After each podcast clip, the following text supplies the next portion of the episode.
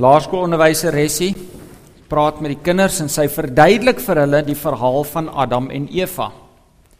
Sy verduidelik hoe die Here vir Eva geskape het uit een van Adam se ribbebene. Sy maak toe die lesie klaar en die kinders verdaag en 'n bietjie later in die dag het hulle LO, selfe klasie. En vir LO hardloop hulle die dag al om die rugbyveld. En na so rukkie begin die een laaitjie bietjie stadiger hardloop. Hy kry toe nou erge miltsteekies, sien? En hy begin toe bietjie stadiger hardloop en die een onderwyseres vra vir hom: "Hey, laaitjie, wat's fout met jou?" Hy sê: "Nee meneer, ek het so pyn in my sy. Ek dink ek's besig om 'n vrou te kry," sê hy.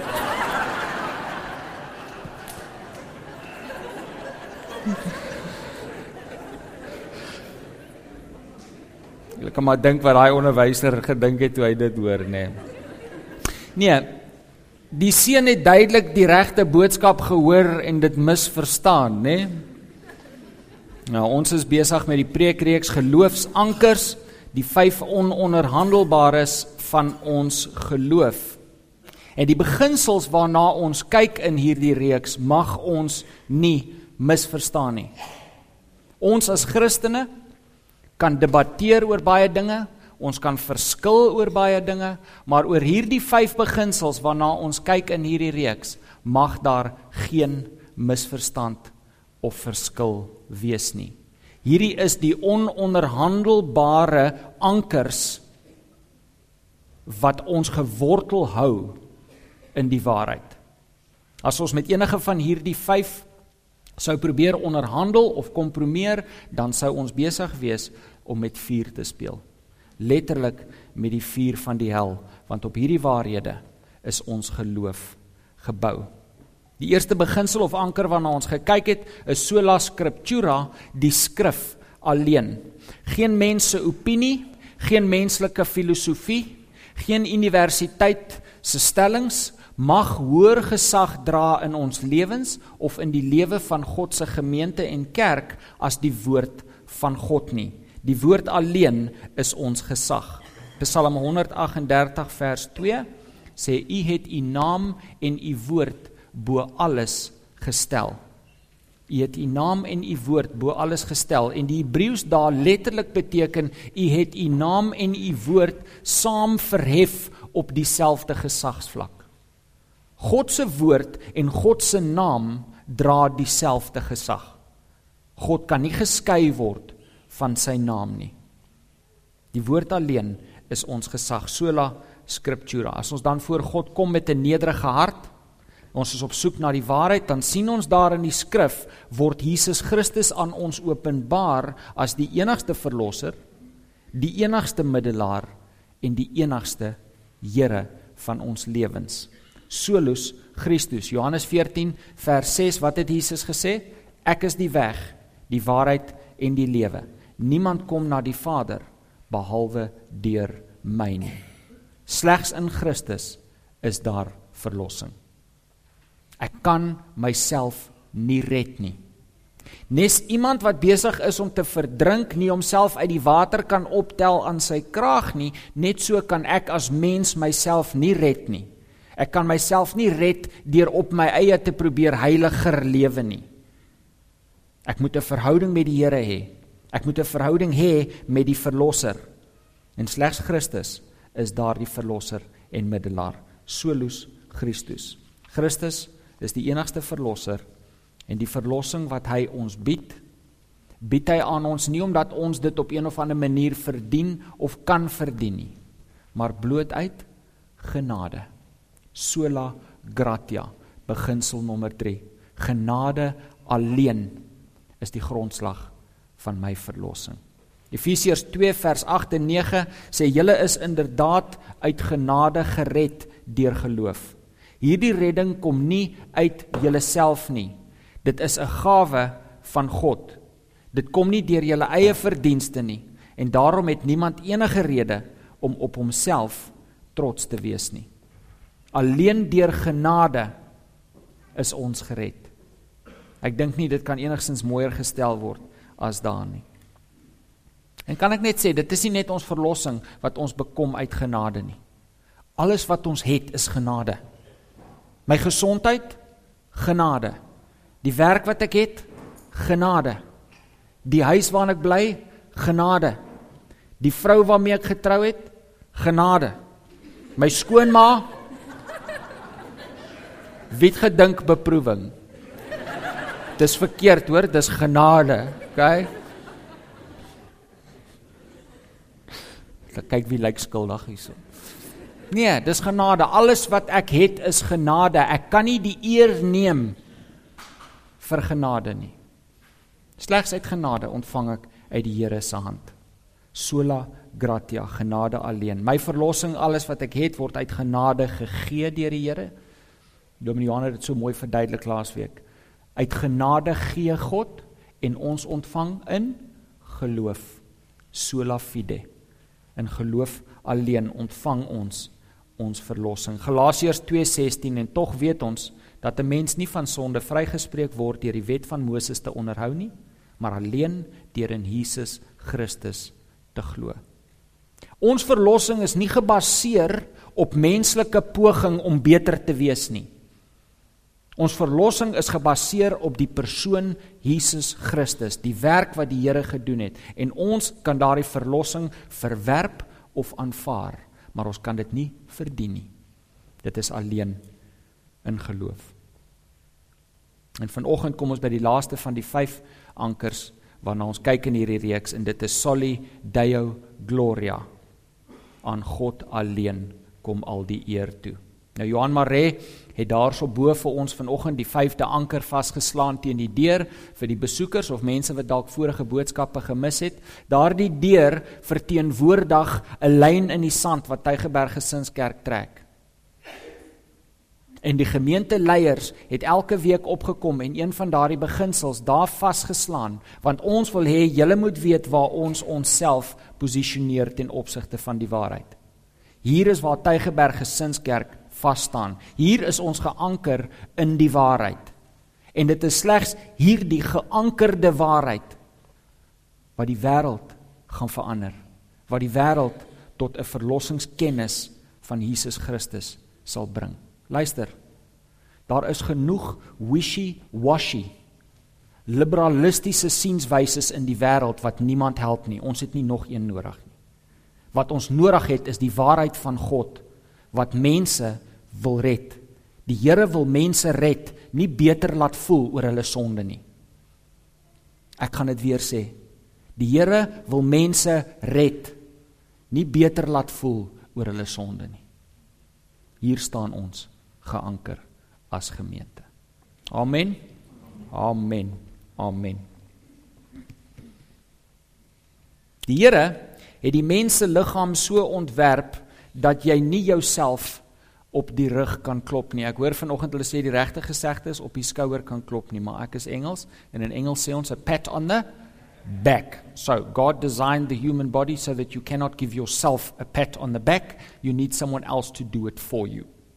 Né? Nee? Jy kan nie jouself 'n klop op die rug gee nie, jy het nodig dat iemand anders vir jou sê mooi, wel gedaan. En toe ek nou die dag vir iemand sê, toe sê ja, En 'n mens kan jouself ook daarom nou nie te hard skop as jy 'n fout gemaak het nie. Jy het ook nodig dat iemand anders dit vir jou doen. So. Nee, ons het nodig dat ander mense vir ons vertel dat ons goed reg doen. Dit is dit is menslik en natuurlik om 'n mate van erkenning te wil hê, né? Nee? En ons as mense wil weet ons maak 'n verskil. Ons wil tog lewens lei wat 'n verskil maak, waar ons 'n bydrae maak nê? Nee, ons is Christene, ons is nie suurstofdiewe nie. Ons maak 'n bydrae. En ons wil lewens lei waarop ons trots kan wees. En tog moet ons as mense besef dat daar areas van ons lewe is waar ons nie 'n bydrae maak nie. En daar is areas van ons lewe waar ons nie 'n bydrae kan maak nie.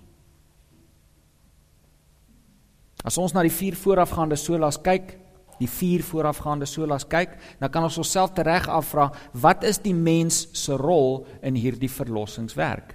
Watse bydrae kan ons as mense maak tot die fondasie van ons kristendom? Watse bydrae maak ons aan die vier solas? So kom ons kyk vlugtig na die vier weer en ons vra onsself, watse bydrae maak ons? Kan die mens 'n klop op die skouer ontvang vir enige van hierdie vier voorafgaande ankers? Eerstene, sola scriptura. Kan enige mens enige heerlikheid neem vir die woord van God, vir enige deel van die woord van God? Kan Dawid terugstaan en sê, hoor, die Psalm 23 is daarom een van die mooiste gedigte wat jy in jou lewe teëgekom het nie. Ek is alright. Kan Paulus sit en sê Romeine, Romeine is die mooiste teologiese uitlegging van enige godsdiens wat jy ooit sal ontvang. Duidelik, ondubbelsinnig, maklik om te verstaan. Kan enige mens enige heerlikheid neem vir die woord van God. 1 Petrus 2:20 Petrus sê die volgende: Dit veral moet julle weet. Geen profesie in die skrif kan op grond van eie insig reg uitgelê word nie. Want geen profesie is ooit deur die wil van 'n mens voortgebring nie. Nee, deur die Heilige Gees meegevoer het mense die woord wat van God kom verkondig.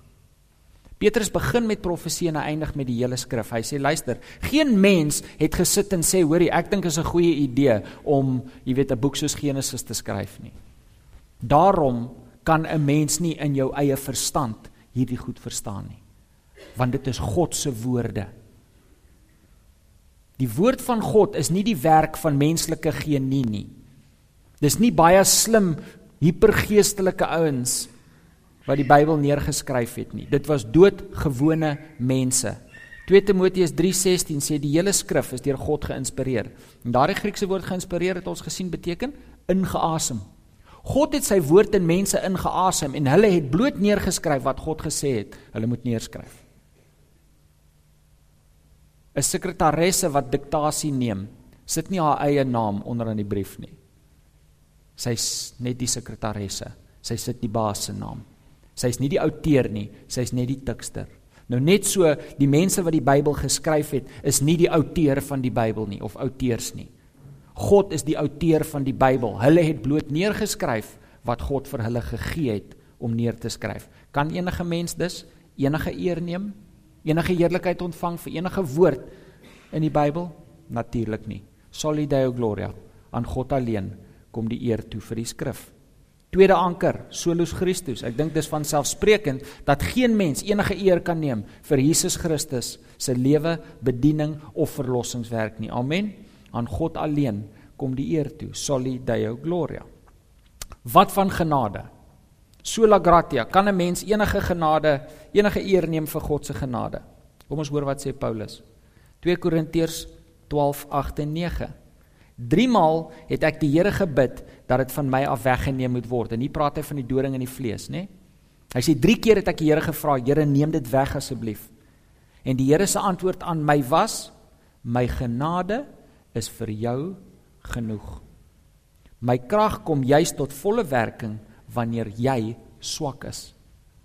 Daarom sê Paulus, sal ek baie liewer oor my swakhede roem sodat die krag van Christus my beskutting kan wees. Weet jy wat sê Paulus hier? Paulus sê hier, nie net kan ek geen eer neem vir die genade van God in my lewe nie, maar dit is juis wanneer ek op my swakste is, wanneer ek dit die minste verdien, dat God se genade die kragtigste in my lewe werk. Nie op 'n ander plek sê hy, wat sal ons doen? Sal ons dan meer sondig om meer genade te ontvang? Hoe swakker ons is, hoe sterker werk God se genade in ons lewens. Alwaaroor ons kan roem is ons swakheid. Ons swakheid, ons kan geen eer neem vir die genade van God in ons lewe nie. Spurgeon, die bekende predikant het gesê never be proud of race, face, place or grace. Never be proud of race, face, place or grace. Jy kan nie trots wees op die groep waarin jy gebore is nie. Jy kan nie trots wees op die pragtige huis waarin jy bly nie. Jy kan nie trots wees oor hoe mooi die Here jou geskape het nie. En jy kan nie trots wees op enige genade wat die Here oor jou lewe uitstort nie. Dit is net genade. En vierde beginsel sola fide. Geloof alleen. OK, hier kan 'n mens tog seker nou 'n klein bietjie eer vat vir geloof, nê? Ek meen die evangelies aan my gebied en ek het daarom gekies om te glo. Jy weet ek het geloof uitgeoefen. So ek kan daarom daar kan ek my bors uitstoot en vir die Here sê ja maar Here, daarom is ek 'n mens van geloof. Of kan ek? Romeine 12:3 Kragtens die genade wat aan my gegee is, sê ek vir elkeen van julle, moenie van jouself meer dink as wat jy behoort te dink nie. Nee, lê jou liewer daarop toe om beskeie te wees in ooreenstemming met die maat van geloof wat God aan elkeen toebedeel het. Paulus sê, hoor hierso, moenie arrogant wees nie. Wees nederig, want selfs die geloof wat aan jou gegee is, is deur God aan jou gegee. Ek dink Dominee Johan het dit baie mooi verduidelik laasweek. Iemand bring die evangelie. Daardie verkondiging van die woord volgens Romeine 10 wek geloof in ons op. Die Heilige Gees wek geloof in ons op. Ek kan nie eers trots wees en my bors uitstoot omdat ek 'n persoon van geloof is nie. Jy weet ek het daarom ja gesê nie. Nee nee. Wat het Jesus vir sy disippels gesê in Johannes 15? Julle het my nie uitverkies nie. Ek het julle uitverkies. 'n Predikant jare terug het die storie vertel, ek sal dit nooit vergeet nie. Hy sê hy sit op Ellis Park en hier so 2, 3 rye voor hom is 'n dronk ou. En hoe langer die rugby game aangaan, hoe dronker raak hierdie ou. Hy drink toe nou drank uit lemoene uit of iets, weet hulle die goed en en toe soos soos die lemoene nou opraak, nou begin hy die ouens gooi met die lemoene, jy weet. Hy sê en hy staan daar en hy kry so stywe nekkie aan hom en hy dink by homself: "Sis. Dank die Here, ek is nie so nie." Hy sê dit is asof hy hoor in sy ore hoe Jesus vir hom sê: "Die enigste verskil tussen jy en hy is ek." Die enigste verskil tussen jy en hy is ek. Ons kan nie enige heerlikheid neem. Ons mag nie probeer heerlikheid neem vir die genade van God in ons lewe nie. En die genade van God is so groot dat selfs die geloof wat ons uitoefen is die genade van die Here. Is dit nie wonderlik nie? Soli Deo Gloria aan God alleen kom al die eer toe. Ek dink die mooiste voorbeeld vir my in die skrif van hierdie beginsel sien ons in Genesis 15. Blaai asseblief saam met my na Genesis hoofstuk 15.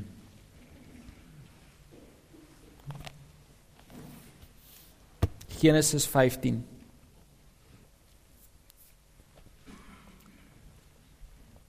Hierna het die woord van die Here in 'n gesig tot Abraham gekom.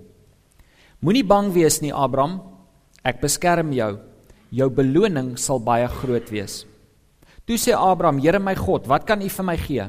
Ek sal kinderloos sterf en Eliezer, die man uit Damaskus, sal my besittings kry." Abraham het verder gesê: "U het nie vir my 'n nageslag gegee nie." 'n slaaf uit my huis sal my erfgenaam wees. Maar die woord van die Here het tot Abraham gekom: Daardie een sal nie jou erfgenaam wees nie.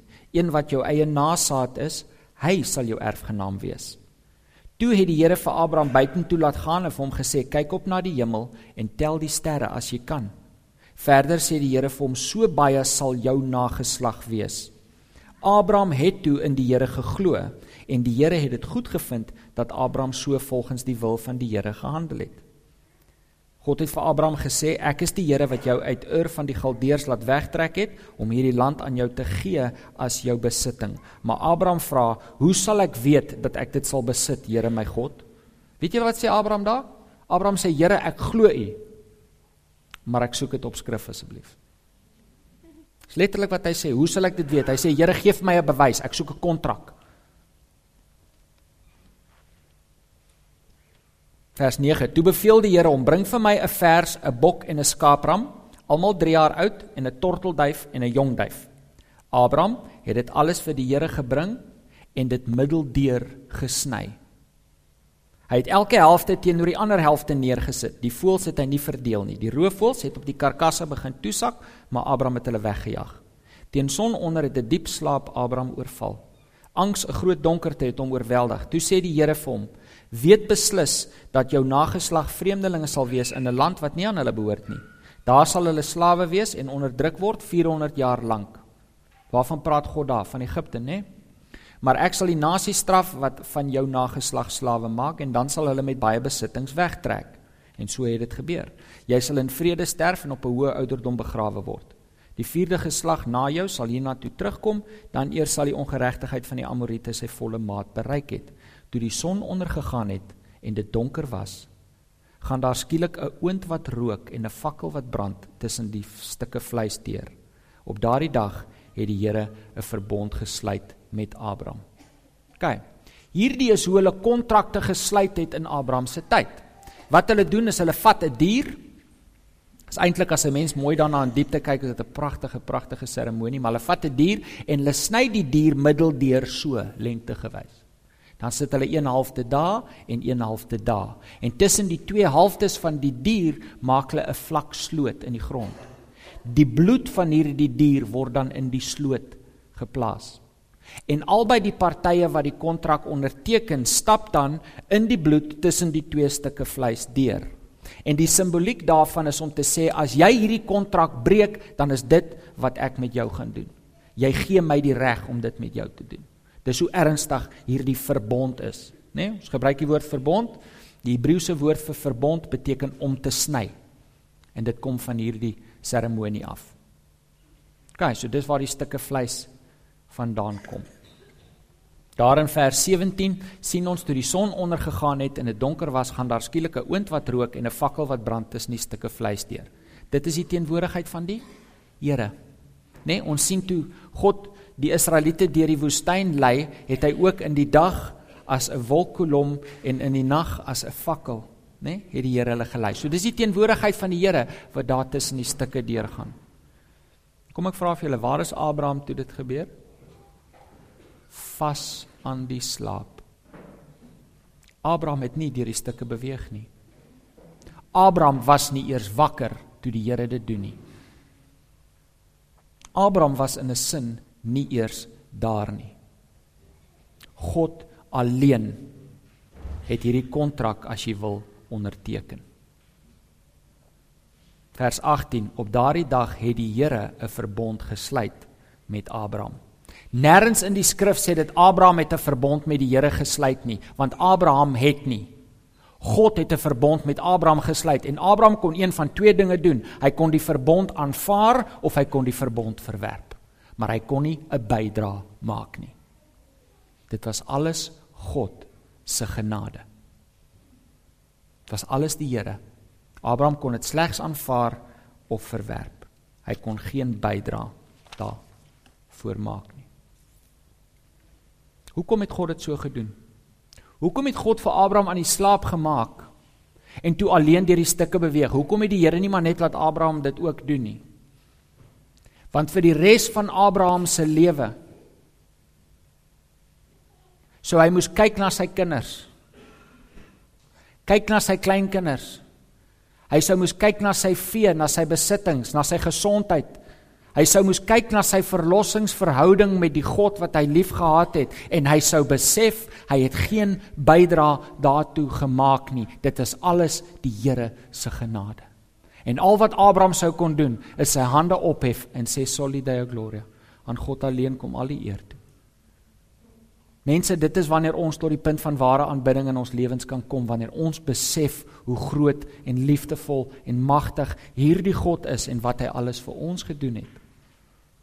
Die Bybel sê toe ons nog sondaars was, het Christus sy lewe vir ons gegee.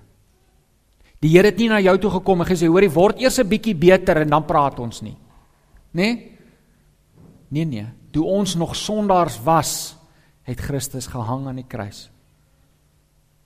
Ons kan die verlossing aanvaar of ons kan die verlossing verwerp. Maar ons kan nie 'n bydra maak nie en dus kom God al die eer toe. Al die eer. Amen. Amen. Op ons raamwerke, ons moet God alleen eer. Nommer 1, ons moet God alleen eer in ons handel en wandel.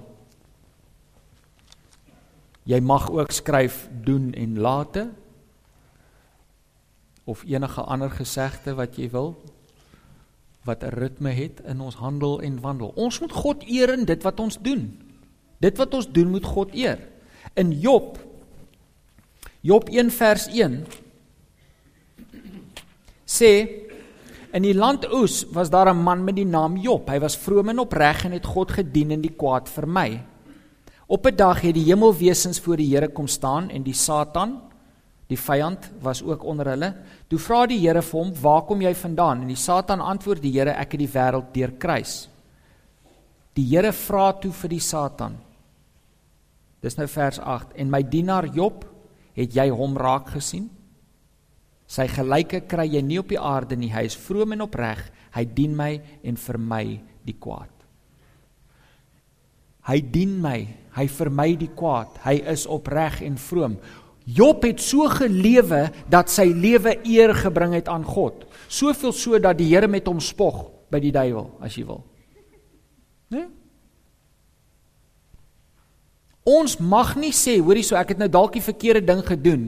Jy weet ek het ek het nou dalk gesondig of verkeerd, maar weet jy ek het daarom nou nie so bedoel nie. Dis nie goed genoeg nie. Ons moet reg lewe. Ons moenie net dink ons gaan eendag reg lewe nie. Ons moet nou reg lewe. Job het die kwaad vermy. Hy was vroom, hy was opreg, hy het die Here gedien. Ons moet nou die Here dien. Weet julle, ek het vir baie jare het ek gelewe met 'n idee agter in my kop dat ek eendag die Here sal dien. Sodra hierdie ding uitgesorteer is en sodra daai ding uitgesorteer is en sodra dit en dan as ek daai ding kan dan gaan ek die Here dien. En so het die duiwel my gekry om vir 10 jaar myself besig te hou met my eie goed. En ek het geen bydrae gemaak in die werk van die Here in sy koninkryk nie want ek gesit en wag vir 'n weerligstraal om my te tref eendag. Weet jy as ek van hierdie ding nou net kan uitsort, dan eendag sal ek die Here dien. Nee, ons moet die Here nou dien sodat ons die Here nou kan eer in dit wat ons doen. Amen. Ek gaan nou 'n voorbeeld gebruik en ek wil nou nie embarrass nie, maar daar daar uh, sit my oudste meisiekind Nicole en sy speel klavier in die orkes en ek moet vir julle sê ek sit en kyk na haar en ek probeer nederig wees, maar ek's tog so trots op haar want daar's my kind. En wat sy doen bring eer aan my. Ek kan sê met trots, daar's my kind. Ek hoef nie haar weg te steek en my te skaam vir haar nie. Daar's my kind. En so moet ons leef dat die Here ook dit met ons kan doen want dis wat hy met Job gedoen het. Hy het vir die duiwel gesê, daar's my kind. Daar's my kind. Ons moet God eer in wat ons doen. Paulus sê in 1 Korintiërs 10 of jy eet en of jy drink of wat jy ook al doen, doen dit tot eer van die Here. Of jy eet, drink, wat ook al jy doen, doen dit tot eer van die Here. Hy sê nie doen wat jy lus is en sê maar dis tot God se eer nie. Nee nee, hy sê wat jy doen moet God eer bring. Ons kan goed doen wat oneer aan die Here bring, hoor? Ek het jare terug toe ek nou nog jonk her was maar dur was dit ek het ek rugby gespeel. Ek was 'n vleuel en 'n heel agter en so ek kon ek was vinnig hoor.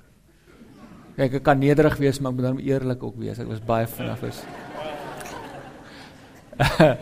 en uh, ek speel toe vir 'n kerkspan. Ons ons het uh, ons ons kerk het 'n rugby span gehad en ons speel toe sulke vriendskaplike wedstryde teen ander kerke. Jy weet, bou bietjie, bou bietjie verhoudings, man. En ons speel toe teen 'n ander kerk en in 'n losgemaal wat toe nou bietjie losser was as wat dit moes wees vloek een van die ander kerk se ouens toe. Ek wil net weer sê, een van die ander kerk se ouens het gevloek. Dis nie ons kerk nie. En een van die ander ouens vloek toe hierso in die skram. En toe die ding opbreek, toe sê ons pastoor wat toe nou die kaptein van die span was, hy spreek toe na die ou mooi aan. Hy sê: "Haai nee broer, weet jy, sulke woorde kom daarom nou nie. Jy weet uit ons monde nie. Ons is daarom Christene, jy weet." En ek was verbaas. Hierdie ou staan toe en verduidelik baie mooi hoekom hy hier mag vloek. Want sê hy, hierdie is daarom nou rugby, hierdie is die kerkie. Jy weet by die kerk doen ons kerkerige dinge en hier by die rugby doen ons rugbyrige dinge, ja. Ja, ons pastoor ek ek, ek het, het geen antwoord gehad net vir die ou se gestaan en kyk. Maar ek het oor die jare, soos ek gesê dit was jare terug en weet jy oor die jare het daardie ding by my bygebly en ek moet vir julle sê ek is verbaas oor hoeveel mense dink dis reg. Dis hoe jy by die kerk is en dis hoe jy by die werk is. En dis hoe jy by die huis is en dis hoe jy voor die baas is. En dis hoe jy hier nee nee. Nee nee. Wat ook al ons doen moet eer aan God bring of dit nou rugby speel is en of dit nou besigheid is by die werk wat ons doen moet tot eer van God wees. Amen. Ek bring eer aan die Here wanneer ek my belastingvorm eerlik invul. Ek bring eer aan die Here wanneer ek binne die spoedlimiet ry. Charles. Ek bring eer aan die Here wanneer ek bereid is om 'n verlies te ly as dit is wat dit gaan vat vir my om met integriteit te leef as 'n kind van God. Ek moet 'n beginselvaste mens wees wat sê hier staan ek op die woord van die Here. Dit is my streep. Dit is sonde. Ek gaan 'n lewe lei wat God eer bring. In ons handel en wandel, alles wat ons doen, moet ons doen om eer aan die Here te bring. Nommer 2, ons moet God alleen eer in ons getuienis. Ons moet God alleen eer in ons getuienis. Ek kyk die laaste ruk na die Olimpiese spele op televisie en ek moet vir julle sê dit was my bemoedigend. Ek was verbaas oor hoeveel atlete sê ek wil vir die Here dankie sê. Dit was my so mooi om te sien. Ons eie atleet wat die 400 gewen het. Wat 'n pragtige getuienis, né? Nee? Maar vir jare het dit my gepla wanneer hulle met sportsterre praat, jy weet, na 'n oorwinning en die ou sê hy wil vir die Here die eer gee, want ek het altyd gedink nou wat van die verloorder? Jy weet as die wenner nou sê vir die Here die eer gee, wat moet die verloorder sê? Jy weet dit het my gepla tot ek op 'n kol gaan sit en dink hier daaroor. En ek het myself afgevra, wat sou ek sê as ek nou 'n medalje wen by die Olimpiese spele? Vir boerewors eet. Want ek moet vir julle sê, as daar 'n as daar 'n event was soos boerewors eet, voel ek ek sou 'n kans staan. Ek dink daar's 'n plek op die podium wees vir my, glo my. Maar as ek nou hierdie boerewors eet kompetisie gewen het by die Olimpiese spele en hulle druk 'n mikrofoon in my gesig, ek sal wel dink daar sal by my mond ook uitkom. Ek wil die eer aan die Here gee. Hoekom? Want wat by 'n mens se mond uitkom is wat in jou hart is. Amen. In jou hart is. Jesus het gesê in Lukas 6 vers 45, die goeie mens bring die goeie te voorskyn uit die oorvloed goeie dinge in sy hart en die slegte mens bring die slegte te voorskyn uit die oorvloed slegte dinge in sy hart. Jy weet hier's hierdie atleet. En hulle vra vir hom hoe voel jy oor jou winning en hy sê ek wil net vir die Here dankie sê. En wat kon hy gesê het? Hy kon gesê het, hoorie, ek wil net vir juffrou Poggenpoel wat in standaard 2 vir my gesê het ek sal nooit iets bereik nie. Ek wil net vir haar sê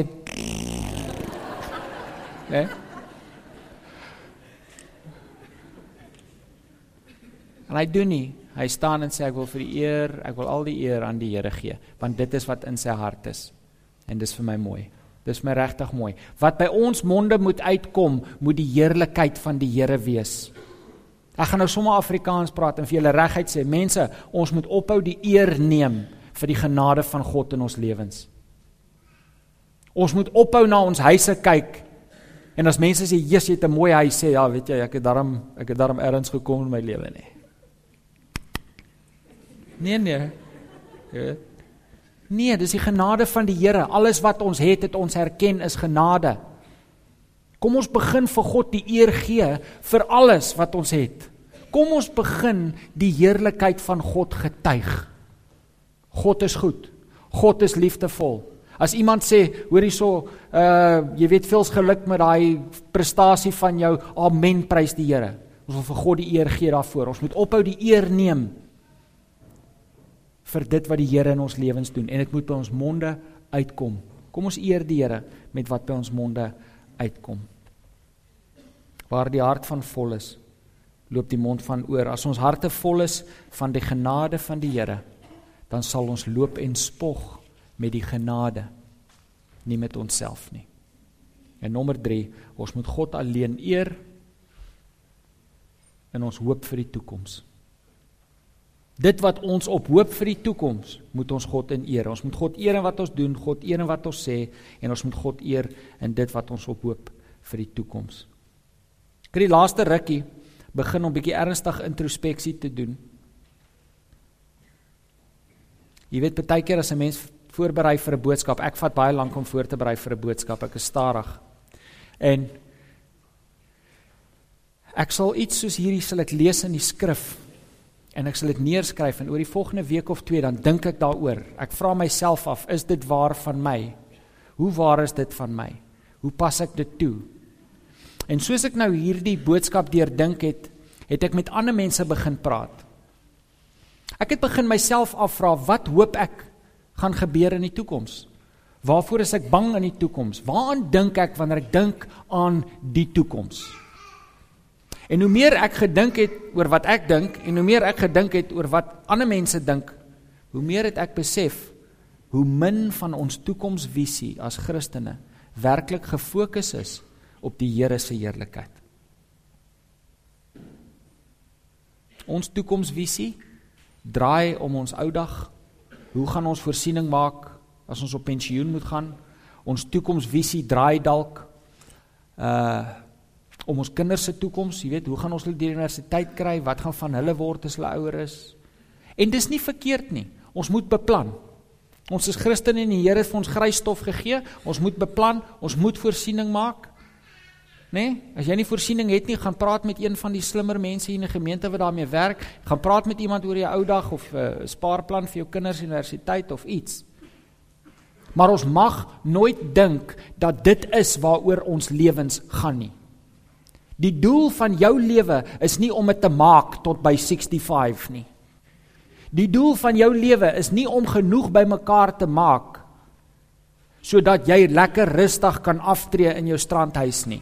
As jy kan, prys die Here. Ek sê vir die Here, dankie saam met jou.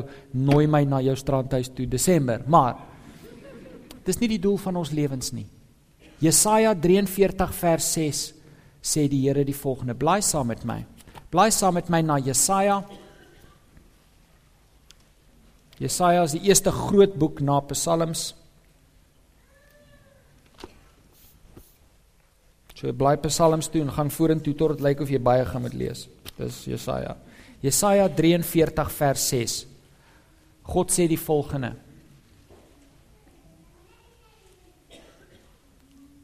Ek sê vir die noorde gee.